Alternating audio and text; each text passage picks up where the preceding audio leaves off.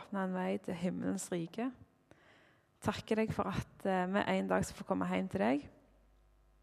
Takk, Jesus, for at eh, ditt navn er synlig iblant oss. Eh, og for at du er en levende Gud som virker, og som gjør dine ting, far. Mm. I ditt navn, Jesus. Amen. Um, I det siste, de ja, sikkert to siste månedene, eh, så har det ramla en del spørsmål inn i hodet mitt. Eh, og noen har eh, gnagt mer enn andre. og et av de spørsmålene som jeg har slitt en del med, det er spørsmålet om jeg om jeg kommer til å bli frelst når Jesus kommer igjen. Uh, hvis Jesus kommer igjen om fem minutter, blir jeg med? Um, jeg tror at det er et spørsmål som, eh, som alle kristne opplever. Altså Selv om vi definerer oss sjøl som kristne, uh, så kan det spørsmålet komme. tvilen kommer.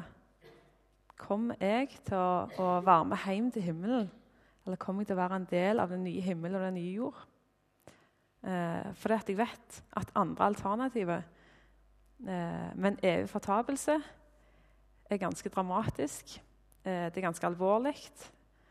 Eh, og jeg vil på ingen som helst måte havne der, da. Um,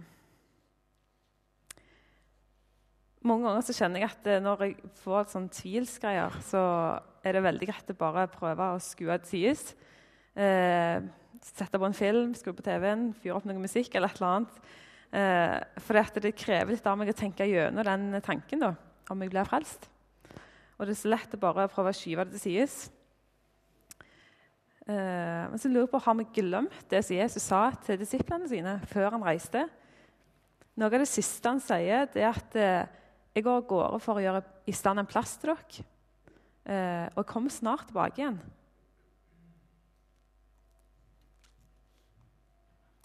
Jeg vet ikke hva du kjenner på når du hører at jeg snakker om at Jesus skal komme tilbake igjen. Eh, kjenner du på frykt? Eh, kjenner du på fred, glede? Kjenner du på tvil? Eh, og la jeg være å tenke på dette hvis jeg syns det er ekkelt? Eller prøver jeg å søke en visshet, en fred, i dette spørsmålet? Er det sånn at det er borte bra, men hjemme best? Hvis vi tenker at vi har vårt heimland i himmelen? Eller er det sånn at det er borte best og hjemme bra? Vil vi? Eh, vil vi til himmelen? Eller sier jeg til himmelen? Vi skal jo egentlig ikke til himmelen. Eh, Gud skal skape et nytt rike der han er konge. Eh, en ny himmel og en ny jord. Eh, og, og, jeg tror på ingen som helst måte at vi klarer å forstå virkelig hva det kommer til å innebære. Eh, men det er ingen tvil i Bibelen om at det er en enormt god plass eh, der ingenting vondskap skal være. Og allikevel må jeg innrømme at jeg kan kjenne på frykt i forhold til det. Det kan være at jeg står og snakker om noe som bare jeg tenker, men jeg tror kanskje at det er andre også som kan kjenne litt på det. da. Um, men dette spørsmålet det har vært veldig sånn uh, i frampannen den siste tida. Uh, og så når jeg begynte å tenke på det, så, så ja, det ble veldig alvorlig. Så tenkte jeg bare ok, nå er det djevelen som prøver å bare gjøre meg usikker på meg, Guds barn. Uh, hva gjør vi når vi skal kjempe mot djevelen? Jo, vi har fått ett sverd å kjempe med. Uh, det er Guds ord. Uh, så jeg tenkte ok, jeg skal bruke ordet. Så tenkte jeg ok, jeg skal ikke lese Gammeltestamentet, men jeg skal lese Nytestamentet. og så slo jeg opp i Romerne. Så vi skal lese litt fra Romerne. da. Jeg skal lese litt det som jeg fikk å lese der. Eh, fra kapittel 1 og vers 18. Nå hopper jeg litt i det første kapittelet og litt i andre kapittelet, så dere bare prøve å henge med. Jeg tror det kommer opp her òg, da. Um, og det begynner sånn. For Guds vrede åpenbares fra himmelen over all ugudelighet og urettferdighet hos mennesker som holder sannheten nede i urettferdighet. For enda de kjente Gud, æret eller takket de ham ikke som Gud. I stedet ble de tomme i sine tanker, og deres uforstandige hjerter ble formørket. De er fulle av all slags urett, umoral, griskhet, ondskap, fulle av misunnelse, mordlyst og strid, svik og falskhet. De ble ryktemakere, baktalere, gudshatere, voldsmenn, overmodige, storskrytere, oppfinnsomme til ondt, ulydige mot foreldre, uforstandige, upålitelige, uten naturlig kjærlighet, ubarmhjertige. De kjenner godt til Guds rettferdige dom, at de som gjør sånt, fortjener døden. Likevel gjør de ikke bare sånn sjøl, men de holder òg med de som gjør det. Det var litt ifra det første kapitlet. Så jeg bare herlighet. Det var trøsten. Uh, så tenkte jeg ja, jeg får lese videre. Så kommer vi til kapittel 2, vers 5. Så står det uh, Med din hårhet og ditt ubotferdige hjerte hoper du deg opp vrede til vredens dag, den dag da Guds rettferdighet eh, Den dag når Guds rettferdige dom skal bli åpenbart. Um, kan dette gjelde meg? Uh, altså, helt ifra kapittel 1 vers 18 i Romerbrevet og helt til kapittel 3 vers 20 så er det egentlig bare å ramse opp vår stilling overfor Gud. Og ut ifra det jeg har lest nå, så syns jeg ikke den er særlig god. um, hvor ble det av trøsten? Uh, jeg har jo lest dette her før.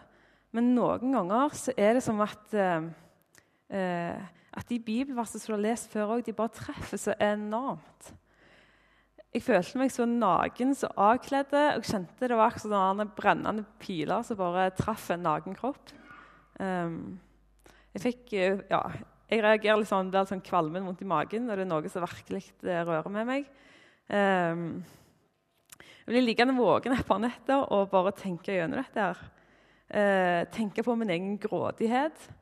Den enorme overfloden som jeg har rundt meg av mat, penger, klær.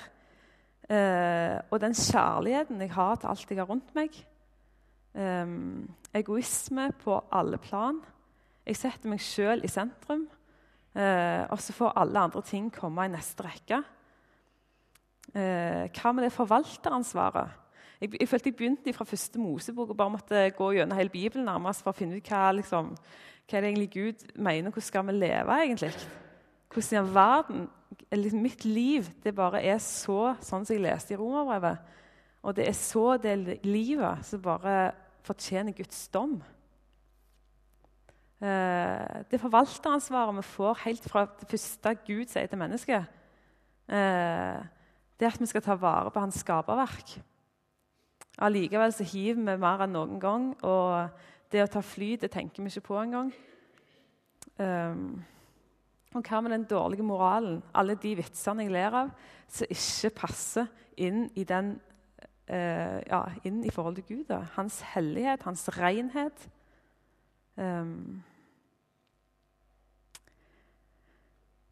jeg tenkte OK eh, Evangeliet. Er det noen som vet hva evangeliet betyr?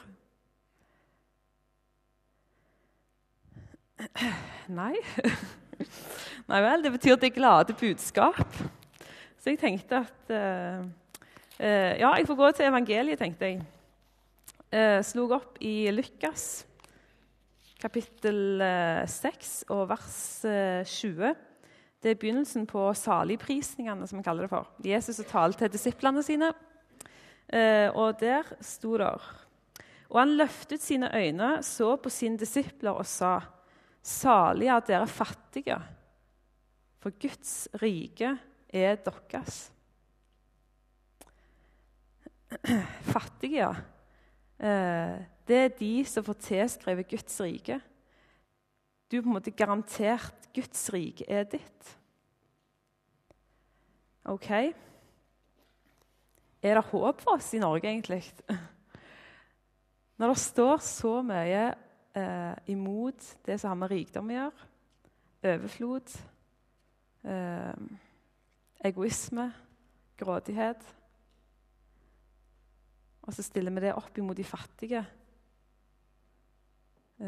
som får tilskrevet Guds rike. Eh, den ene kvelden så begynte jeg seriøst å vurdere om jeg bare skulle eh, ja, kjøpe meg ei hytte, en støl, et eller annet langt nede på fjellet. Pakke med meg det jeg trengte for et liv, og så bare bo der. Isolere meg fra hele denne verden her. Bare gjøre alt jeg kunne for, at, eh, for å ikke bli påvirka av alt det som denne verden her har å tilby. Eh, for det er utrolig krevende å ikke la seg påvirke. Alt det vi får servert gjennom TV, gjennom Internett. Vi går gjerne og bærer det med oss på denne iPhonen og kan søke det hele tida. Det flasher mot oss hele tida. Og det å bli påvirka, det krever ikke særlig mye.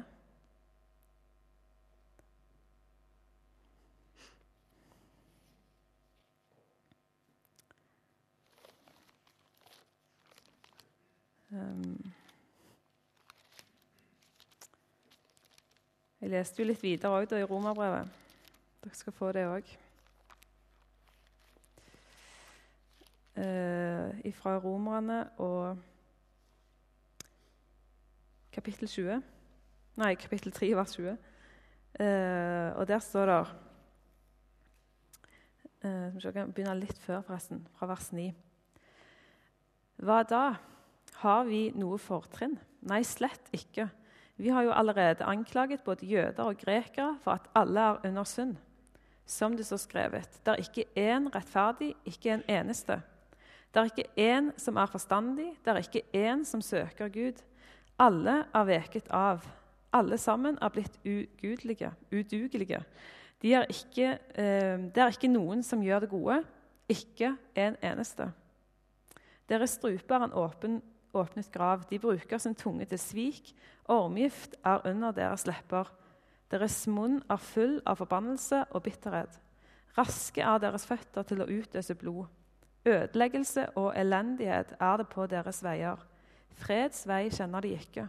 Guds frykt er det ikke for deres øyne. Men vi vet at alt det loven sier, det taler den til den som er under loven for at eh, hver munn skal lukkes og hele verden blir skyldige for Gud. Derfor blir intet skjød rettferdiggjort for ham ved lovgjerninger, for ved loven kommer erkjennelse av synd. Det er ikke én som er rettferdige i denne verden. Verken av fattige eller av rike. Verken av oss som bor i Norge, eller de som bor i Afrika eller USA, eller hvor det skal være. Det er ikke én som er rettferdig overfor Gud. Og Så står det at intet skjød blir rettferdiggjort ved lovgjerninger. Hva betyr nå det? Altså, Det er ikke et eneste menneske som blir rettferdiggjort overfor Gud, som blir forlikt eller kan finne fred med Gud med lovgjerninger, eller de budene som Bibelen krever, eller Guds lov krever. Men det som skjer da, når vi leser det som står i Romerbrevet, eh, det som står i Mosebøkene, i loven, det at det kommer erkjennelse av synd. Hva betyr erkjennelse av synd? Jo, jeg ser virkelig min stilling overfor Gud. Jeg må egentlig bare innrømme at jeg ikke har sjans. Eh, men det som ble veldig godt for meg når jeg leste den siste delen her i Romerbrevet, det at dette her, eller at, at, Paulus kunne beskrive akkurat sånn som jeg opplevde det. For jeg føler meg bare fanga. Jeg må bare innse at selv om jeg hadde flyttet opp eh, i fjellet på en støl i ei hytte der, så hadde ikke det gjort meg mindre syndig overfor Gud. For det som gjør meg syndig overfor Gud, det er ikke først og fremst de tingene jeg gjør, men det jeg er. Det er det jeg er født med. Jeg er født i synd. Og derfor så er vi fanga i det. Hva er da vårt håp? Uh, Jesus han eh, forteller en lignelse eh, til noen som stolte på seg sjøl at de var rettferdige, og forakta de andre. Jeg skal lese den. Det står i Lukas kapittel 18, vers 9-14. Eh, Jesus sier to menn gikk opp til tempelet for å be. Den ene var en fariseer, og den andre var en toller. En fariseer var en skriftlærd, en som kunne hele Bibelen utenat. Han kjente til loven, eh, visste akkurat hvordan han skulle leve for å leve et rettferdig liv. En toller, hvem var det? Det var en som krevde inn penger til keiseren. Eh, en som gjerne var ganske rik. Eh, hadde det ganske greit sånn sett. Vi skal lese videre. Fariseeren sto for seg sjøl og ba sånn Gud, jeg takker deg for at jeg ikke er som andre mennesker, som røvere, urettferdige, horkarer eller som denne tolleren. Jeg faster to ganger i uka og gir tienden av alt det jeg tjener. Men tolleren, han sto langt borte. Han ville ikke engang løfte øynene mot himmelen, men slo seg for sitt bryst og sa, 'Gud, vær meg synder nådig.' Jeg sier dere, denne gikk rettferdiggjort hjem sitt hus, ikke den andre.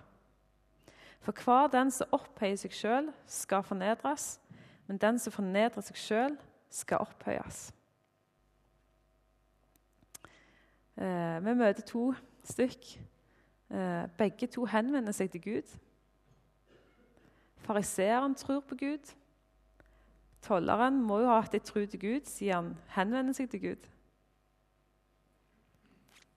Eh, men det er en enormt vesentlig forskjell.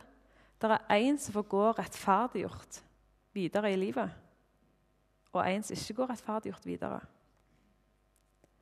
Eh, og han som trodde han skulle få gå rettferdiggjort videre, det var fariseeren. Som kjente loven, som visste hvordan han skulle leve livet. Men den som går rettferdiggjort videre, det er tolleren, som gjerne stjal penger til seg. Som andre gjerne så litt ned på, men som allikevel var rik. Eh, han får gå rettferdiggjort bort. Fariseeren kommer som en som hadde seira over synda si. Som hadde kontroll på ting. Eh, tolleren han kommer som en synder en som tigger etter Guds nåde. Hvordan kommer du fram forbi Gud med livet ditt? Um, jeg lurer på om noen av dere kanskje har tenkt litt sånn som meg av og til. At uh, OK, Gud. Uh, jeg tror på deg. Og det får være nok. Ja, altså, jeg, er jo med i, altså, jeg er jo med litt i Salem eller en eller annen plass. Ehm, men å gi deg, Gud, mer kontroll i mitt liv, det blir litt for voldsomt. Jeg er liksom ikke helt der. Um, men du får nå være glad, Gud, at jeg tror på deg, iallfall. Uh, eh, som om Gud trenger meg, eller som om Gud trenger deg. Som om vi er den som holder Gud levende eller død. Som om Gud ble mer levende og hans ord ble mer sant til mer folk som iallfall trodde på han. Eh, det er faktisk sånn at Gud trenger ikke oss. Men det som er enormt stort, det er at han vil ha oss.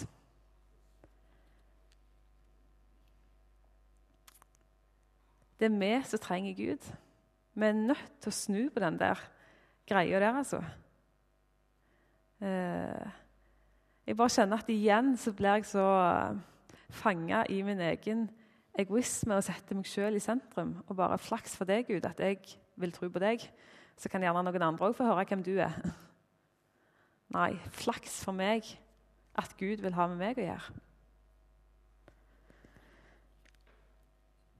Og det er egentlig et enormt stort under at Jesu navn er synlig i Norge i dag at Jesu navn er synlig blant oss. At vi sitter samla her, det er et enormt stort under hvis, du, hvis vi tenker på eh, hvor godt vi har det. Eh, ja, iallfall på det materielle. Jeg tror nok vi alle kan oppleve tøffe tider innimellom. Det kan jeg si ja til. Eh, men vi har det egentlig enormt godt.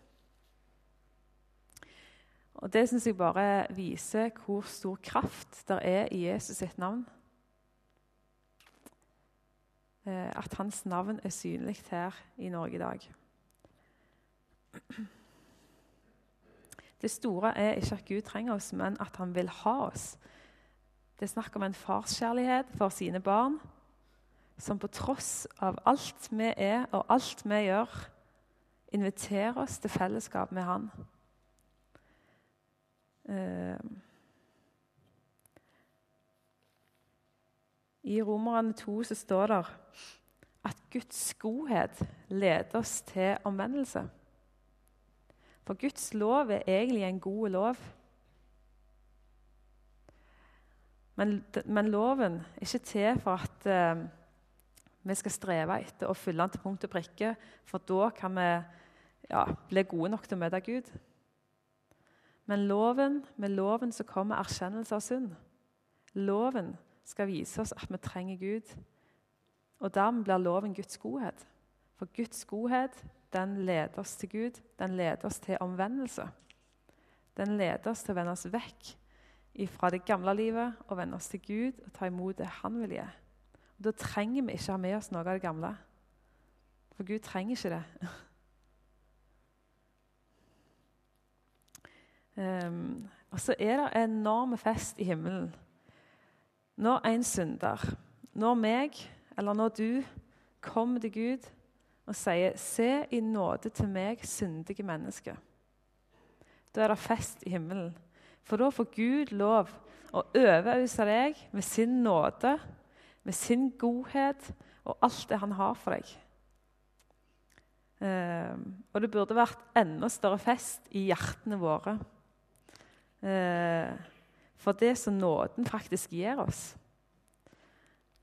Jeg skal lese noen vers fra Kolosserne, kapittel 1, og vers 12-14. Henger dere med, forresten? Ja, flott. Um, der står det Med glede kan dere da takke Faderen som har gjort dere skikket til å få del i de helliges arv i lyset. Altså Han som har gjort oss i stand til en arv i lyset.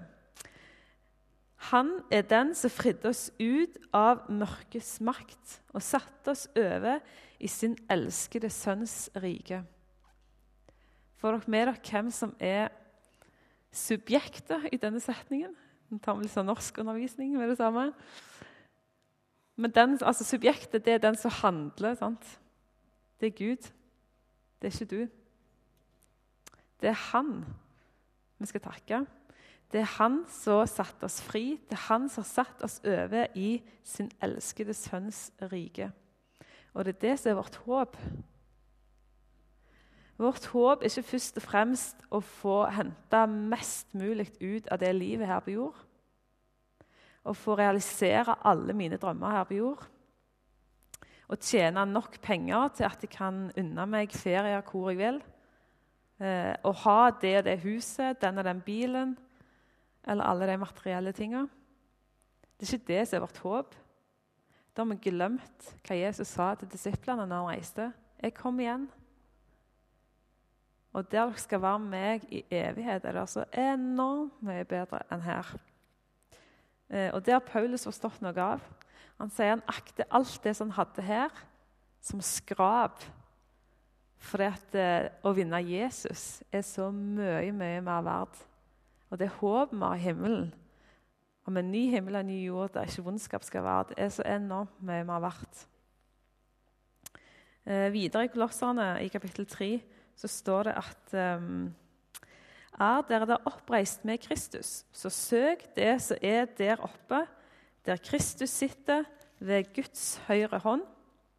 La deres sinn være vendt mot det som er der oppe, ikke mot det som er på jorden. Eh, søk det som er der oppe. Det er vårt håp. Det er det som skal gi oss kraft til å leve som Guds barn her på jord. Det er det håpet vi har i himmelen. Eh, og jeg tror at eh, Jeg tror Paulus vet hvor lett det er å glemme det håpet som vi er kalt til. Og det er nettopp derfor han ber for eh, efeserne, eller efesermenigheten. Og da sier han eh, i en bønn der i kapittel 1 så sier han eh, Jeg ber om at vår Herre Jesus Kristi Gud, eh, vår Herre Jesu Kristi Gud, Herlighetens Far, må gi dere visdom og åpenbaringsånd til kunnskap om seg, og gi deres hjerter opplyste øyne, så dere kan forstå hva håp han har kalt dere til. Hvor rik på herlighet hans arv er blant alle de hellige. La håpet være det som setter perspektiv på livet vårt. Eh, la oss få leve med himmelen som perspektiv på det livet vi har her på jord. Eh, å leve med Jesus i livet, det påvirker livet. Eh, å være i fellesskap med himmelens og jordens skaper. Han som elsker meg på tross av, ikke på grunn av. Hans godhet i mitt liv, det driver meg til godhet. Uh,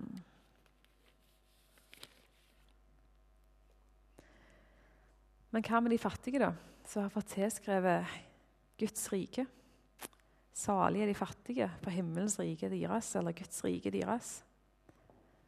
Um, jeg måtte lese litt på det. Finne litt ut hva, hva mener Lukas når han skriver 'fattig'. Eh, og I Mattes så står det noe av det samme, men der står det 'salige er de fattige i ånden'. For Guds rike er deres.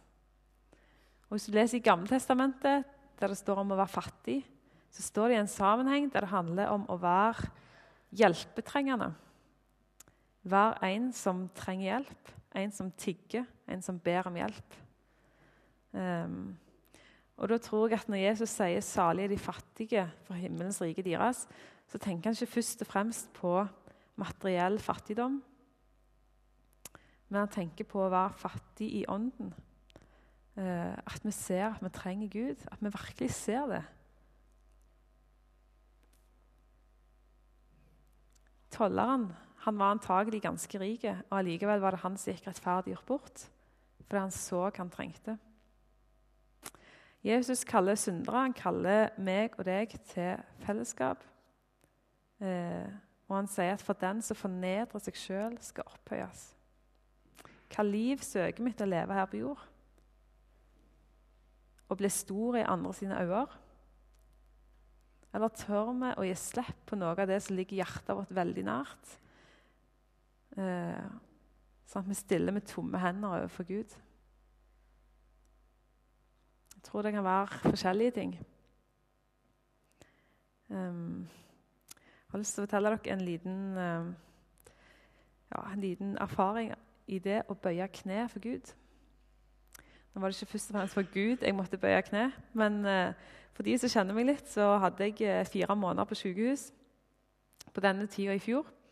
Uh, var litt uheldig under en operasjon som gjorde at jeg ble lam fra livet og ned. Og det så ikke salglys ut i begynnelsen. Men Gud er stor, og ja, derfor så har jeg fått lov til å begynne å gå igjen. Eh, men det har vært mye opptrening òg i denne prosessen. Eh, og da er det sånn, eh, litt sånn ja, festlige erfaringer du gjør deg i en sånn opptreningsfase. Eh, og den ene gangen så hadde jeg jeg hadde nettopp begynt å gå med en sånn gåstol med sånn hjul på. Eh, den kalte de for Preikestolen, og det var jo veldig festlig, for alle lurte på når jeg skulle tale. Og det sa jeg at det kunne jeg godt gjøre. eh, men det ble ikke for jeg, jeg få, ja, jeg brukte det en stund, men jeg fikk gå over til krykker.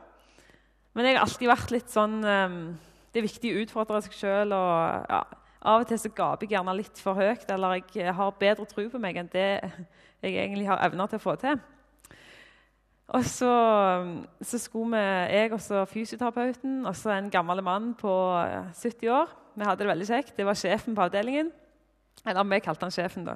Vi skulle bort i den sånn sentralblokk, og han skulle kjøpe seg avis, og jeg skulle gå og hilse på noen som hadde vært oppe på akutten. jeg hadde ligget der.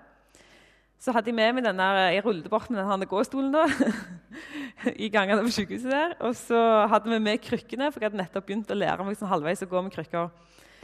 Men det som var problemet, da, det var at eh, jeg eh, kunne så vidt stå på beina uten å holde, hjelpe til med å holde meg oppe med noe. Eh, også, men jeg skulle nå tøffe meg bort til de der fysioterapeutene som jeg hadde hatt før, og bare vise hvor flink jeg var blitt. sånt. Eh, så hadde jeg jo gått et stykke med den gåstolen, så jeg var sikkert litt trøttere enn det jeg egentlig trodde at jeg var. Eh, og så kom jeg bort der, så skulle jeg liksom skifte over til krykkene. Og så begynte jeg å gå der, og så plutselig så bare Det er en veldig Jeg tror ikke jeg klarer å forklare den følelsen, men det er en veldig spesiell følelse når du bare kjenner at eh, alt under deg bare svikter. Du har bare ikke kjangs til å holde deg på beina. Det, ja. Og det, det, skjedde fordi at hvis jeg bødde litt for mye i beina, så bare, da kobla ikke muskelen inn lenger. Så da gikk det bare kadeisan i bakken. Og det gjorde det, da. Og der lå jeg. Og jeg vet ikke om dere noen gang har tenkt på hvordan det er å prøve å komme seg over beina når du ikke har bein å komme deg på. Så det kunne blitt en voldsom prosess. Men, eh, men det som er da, når du detter i bakken sånn som det er på et sykehus, så går det gjerne et halvt sekund, og så er det 15 mann som står rundt deg og så skal hjelpe deg på beina igjen og spørre om det går bra. og alt det der. Eh, jeg var faktisk helt utkjørt etter den lille episoden på gulvet der, men det gikk jo fint. da. Men det jeg tenkte på eh, når jeg hadde kommet meg bort på rommet og lagt meg i senga og syntes at jeg hadde sprunget Cooper nærmest, for jeg eh, det var bare Ja, i Bibelen så står det at en dag så skal alle folkeslag bøye kne for himmelens jordens skaper. Og Da er det ikke sånn at de kan velge å bøye kne eller ikke. Jeg tror det er nærmest sånn da detter vi i bakken, for Guds hellighet og Guds lys er så sterkt at vi klarer ikke å stå. Um, og det å være kristen, det handler egentlig om å få lov til å bøye kne for den hellige Gud før vi må. Um, og jeg tror at uh, For min del så handler det om hvis jeg bødde litt for mye, så gikk jeg i bakken. Uh, jeg vet ikke hvordan det er med oss om vi strever for å holde oss på beina. Vi vet at hvis vi begynner å bøye oss litt, så går det, da er det utforbakke. Da er det rett ned. Da er det så mye som er framme i lyset at det er der orker jeg ikke begynne på. Uh, men jeg kan si det at det å falle for en Gud det er faktisk enda bedre enn å falle på et sykehus, selv om det bare tok et halvt sekund. Men du faller i Guds hender. Du faller i Guds nåde. Um, jeg kjenner for min egen del så har jeg begynt å be Gud om å gi meg et varmt hjerte Eh, et hjerte som er villig til å lytte til det som Gud ønsker å fortelle meg. Eh, det står mye om at israelsfolket var et hardnakka folk med kalde hjerter som ikke ønsket å høre Guds stemme og ønsket å høre hva Gud ville med livet deres. Eh, det er enormt mye dom, som er skrevet over dem fordi de ikke ville bøye seg for himmelens jordens skaper. Min bønn er at jeg må få lov til å stå opp hver dag, bøye mine kne for Jesus, bare ta imot det som han vil gi meg, det som er det som holder for evigheten.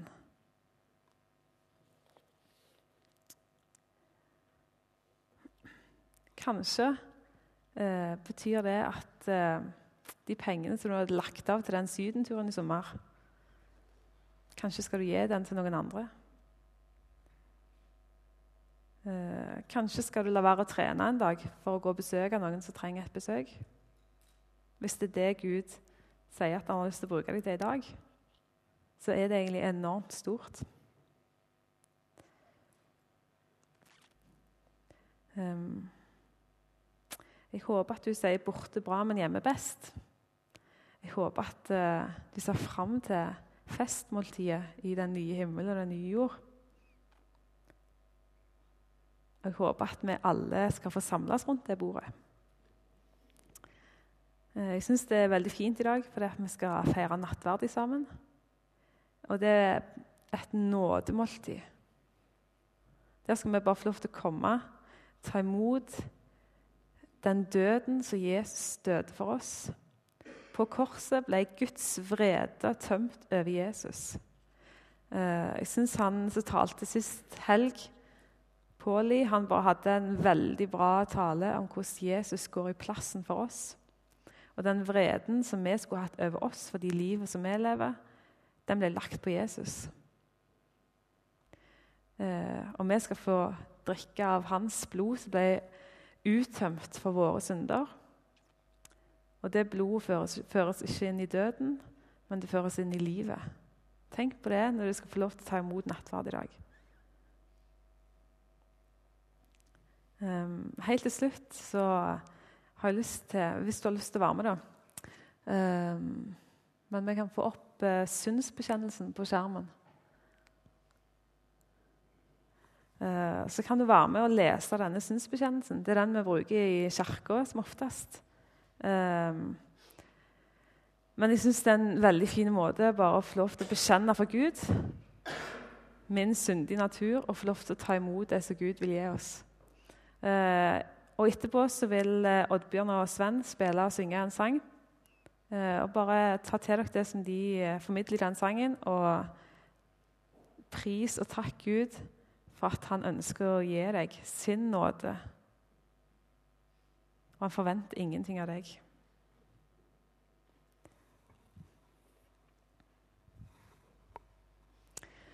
Hellige Gud, himmelske Far, se nåde til meg, syndige menneske, som har krenka deg med tanker, ord og gjerninger, og kjenner lysten til det vonde i mitt hjerte. For Jesu Kristi skyld, ha langmodighet med meg. Tilgi meg alle mine synder, og gi meg å elske og frykte deg alene. Amen.